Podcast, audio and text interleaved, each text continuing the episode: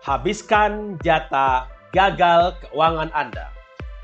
Sahabat, cara paling ampuh untuk melihat seseorang itu sukses atau gagal dalam mengelola uang adalah saat di ujung karirnya. Bahkan, ada pemeo di masyarakat, penyesalan dalam kelola uang itu selalu di akhir.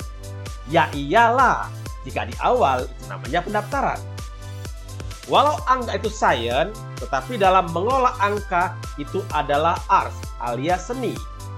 Makanya, menurut Profesor Jack R. Kapur yang bukunya Personal Finance menjadi rujukan seluruh financial planner, personal finance is the art and science of money.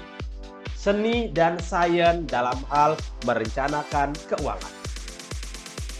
Uang 100 ribu rupiah tetaplah 100 ribu rupiah ketika dibelanjakan. Tetapi akan berbeda hasilnya ketika dibelanjakan buat belanja konsumtif atau belanja produktif. Di sinilah sahabat, uang jadi sebuah seni, seni mengelola uang. Jika uang saja seni, maka sebenarnya rizki atau pendapatan itu juga sebuah seni tersendiri Tinggal bagaimana kita memaknai rizki itu tidak selalu berkonotasi uang. Kesehatan, kehormatan, kenikmatan, kesederhanaan, dan kehidupan itu sendiri adalah rizki yang patut kita syukuri.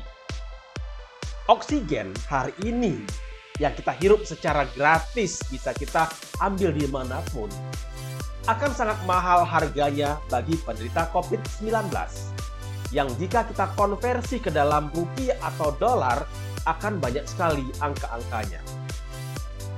Untuk itu, mari kita mensyukuri setiap rizki yang Allah Subhanahu wa taala berikan kepada kita. Bagaimana caranya? Yang pertama, seni rizki dalam manajemen. Jika pertama kali kita melakukan silaturahim atau keterhubungan, akan dipandang curiga dan mereka yang kita kunjungi menganggap kita melakukan zero sum game di mana kita bisa menang total 100% dan mereka kita kalahkan. Maka, jika kita lakukan lima kali silaturahim secara istiqomah, terus-menerus dalam irama ketulusan, maka kecurigaan itu perlahan-lahan akan sirna dan akan menghasilkan kemanfaatan bagi kita bersama. Intinya adalah lakukan terus silaturahim dengan tanpa ada rasa bosan dan putus asa. Inilah sejatinya seni rizki dalam manajemen alias pengaturan kesabaran kita dalam irama connecting the dots. Yang kedua, seni rizki dalam penjualan. Dalam dunia penjualan alias salesmanship, hukum Pareto atau hukum rata-rata 80-20 menjadi hal mutlak dilakukan. Semakin sering kita berpresentasi atau menawarkan barang atau jasa kita, semakin memiliki peluang untuk closing alias jualan kita, jasa kita diterima. Apalagi jika ditambah jam terbang kita yang sudah mumpuni. Dari 100% yang kita komunikasikan, 80% biasanya menolak ide kita. Hanya 20% yang menerima.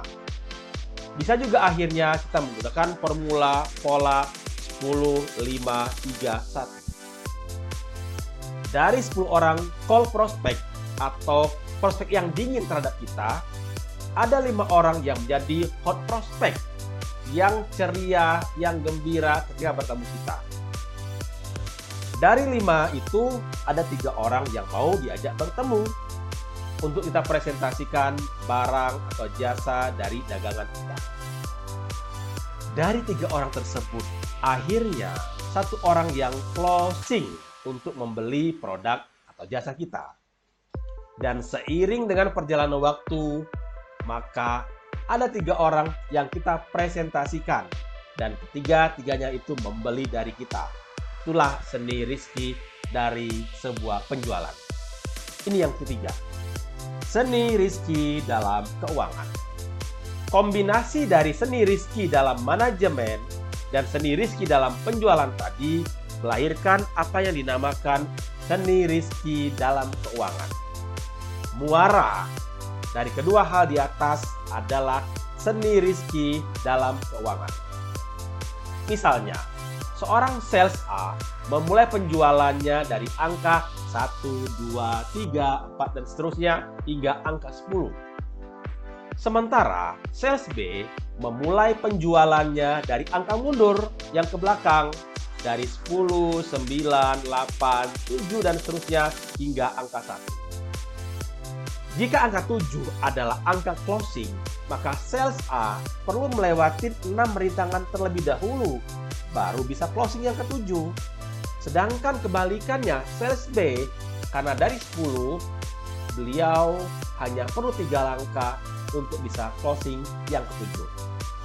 Tetapi ingat, secara jam terbang, yang lebih matang atau jago dalam presentasi adalah sales B.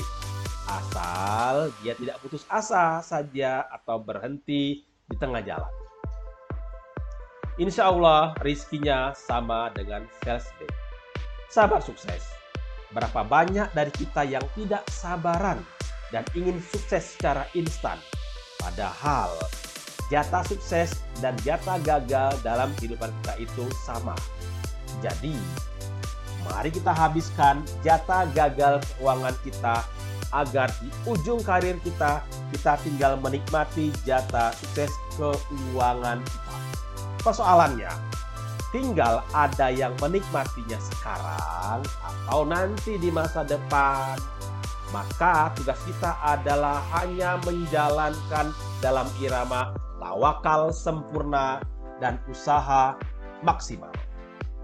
Mari kita perbanyak istighfar dan silaturahim agar umur kita semakin panjang dan rezeki kita dilapangkan.